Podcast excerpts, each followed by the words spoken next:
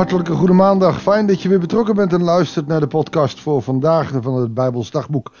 We gaan nog weer drie dagen in spreuken lezen. En daarna beginnen we uh, aan een nieuw boek, 1 Timotheus. En dat doen ze natuurlijk weer net in het weekend, maar we gaan de komende tijd wat uit Timotheus lezen.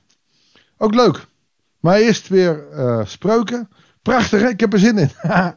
Je weet hoe ik erin sta. Spreuken 25. En uh, waar uh, hoofdstuk 23 en 24 wat langere verhalen en wat langere uh, overdenkingen, zitten we nu weer in de spreuken die allemaal als tegeltekstjes op ons afkomen. Niet erg, we gaan gewoon kijken wat de dag van vandaag ons brengt en wat we kunnen leren van onze Heere God. Goeiedag, hartelijk welkom bij een nieuwe uitzending van het Bijbelsdagboek. Spreuken 25, vers 1 tot en met 10. Hier volgen andere spreuken van Salomo. Kachang! Nou, daar hebben we dus eigenlijk al een bewijs. Uh, het wordt hier geciteerd als in het vers dat het van Salomo is, maar die de dienaren van de koning Hiskia van Juda hebben gekopieerd. Het zijn dus uitspraken van Salomo. En die zijn uh, gekopieerd door de scriber, de scriba, om uh, daarmee uh, vereeuwigd te worden. Is het erg? Nee, helemaal niet erg. Ik heb ook wel eens tegen een voorganger gezegd: joh, ik heb uh, jouw preek gestolen. Ik heb hem in drieën gedeeld. En ik heb er drie preken van gemaakt. En de persoon was helemaal blij. En met zijn preek ook nog weer verder gebruikt. We gaan ze lezen eer aan God. Omdat hij dingen verbergt. Eer aan de koning, omdat hij dingen doorziet. Jij kan ook een koning zijn. We hebben het Pinkster gehad. Als jij door de Pinkstergeest begeisterd bent, als je vol bent van de Heilige Geest, kun je veel meer dingen van de Bijbel bijvoorbeeld, of dingen van het leven doorzien. Bij God zijn dingen verborgen. Waarom? Omdat wij God niet aankunnen. Omdat wij te klein zijn om het grote van God te zien. Toch kunnen we meer zien dan wij zouden denken.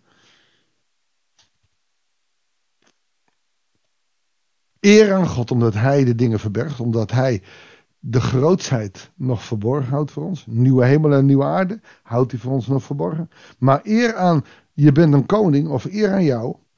Als jij dingen doorziet. En dat kan jij door de kracht van Gods geest. Zo pijloos hoog als de hemel, zo pijloos diep als de aarde, zo pijloos is het hart van een koning. Ja, wat ik hieruit haal is, menslief, wees niet te, eh, te voorspelbaar. Eh, het is helemaal niet leuk als ik tegen mijn vrouw zeg: Oh, dat, uh, dat, zal jij wel doen. Hoe weet jij dat? Ja, je bent zo voorspelbaar. Nou, als ik dat tegen mijn vrouw zou zeggen, wordt ze niet blij. En terecht. Kan je niet zomaar zeggen. Maar de pijloos diepe, of het nou hoog is of laag, heeft iets moois. Iemand die kan op hoogte en diepte. Je zou kunnen zeggen: iemand kan lekker oppervlakkig kletsen maar kan met iemand gaan. Mens die dat doet, is niet te peilen. Is niet makkelijk te toetsen. En dat maakt een mens uniek. Als het zilver van onzuiverheden is vandaan, maakt de edelsmid een prachtige vaas. Ik kan er zo een, een andere voor in de plaats zetten. Als jouw hart van onzuiverheden is ontdaan, maakt God er een prachtige woning van. Dat is dus een heel andere koek. En opeens wordt dat zilver een metafoor voor jouw hart. Maar het is dus ook zo dat zilver, daar kan rommel tussen zitten. Dan wordt het niet mooi. Dus maak het schoon. Als de koning zich ontdoet van goddelozen, schraagt gerechtigheid zijn troon. Dit is dus met vers 4 te vereenzelvigen. Doe, ontdoe je van slechte dingen. ontdoe je ook van slechte mensen in jouw omgeving. Dan zal gerechtigheid jouw leven dragen. Je moet niet omgaan met verkeerde mensen die verkeerde intenties hebben. Het haalt jouw leven onderuit en het maakt jouw leven onzuiver.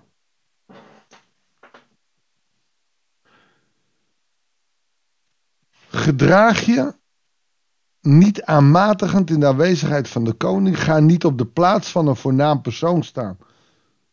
Het is beter dat de koning je naar voren roept dan, dan dat hij je plaats laat maken voor een edelman. En eigenlijk is het precies hetzelfde wat Jezus zegt.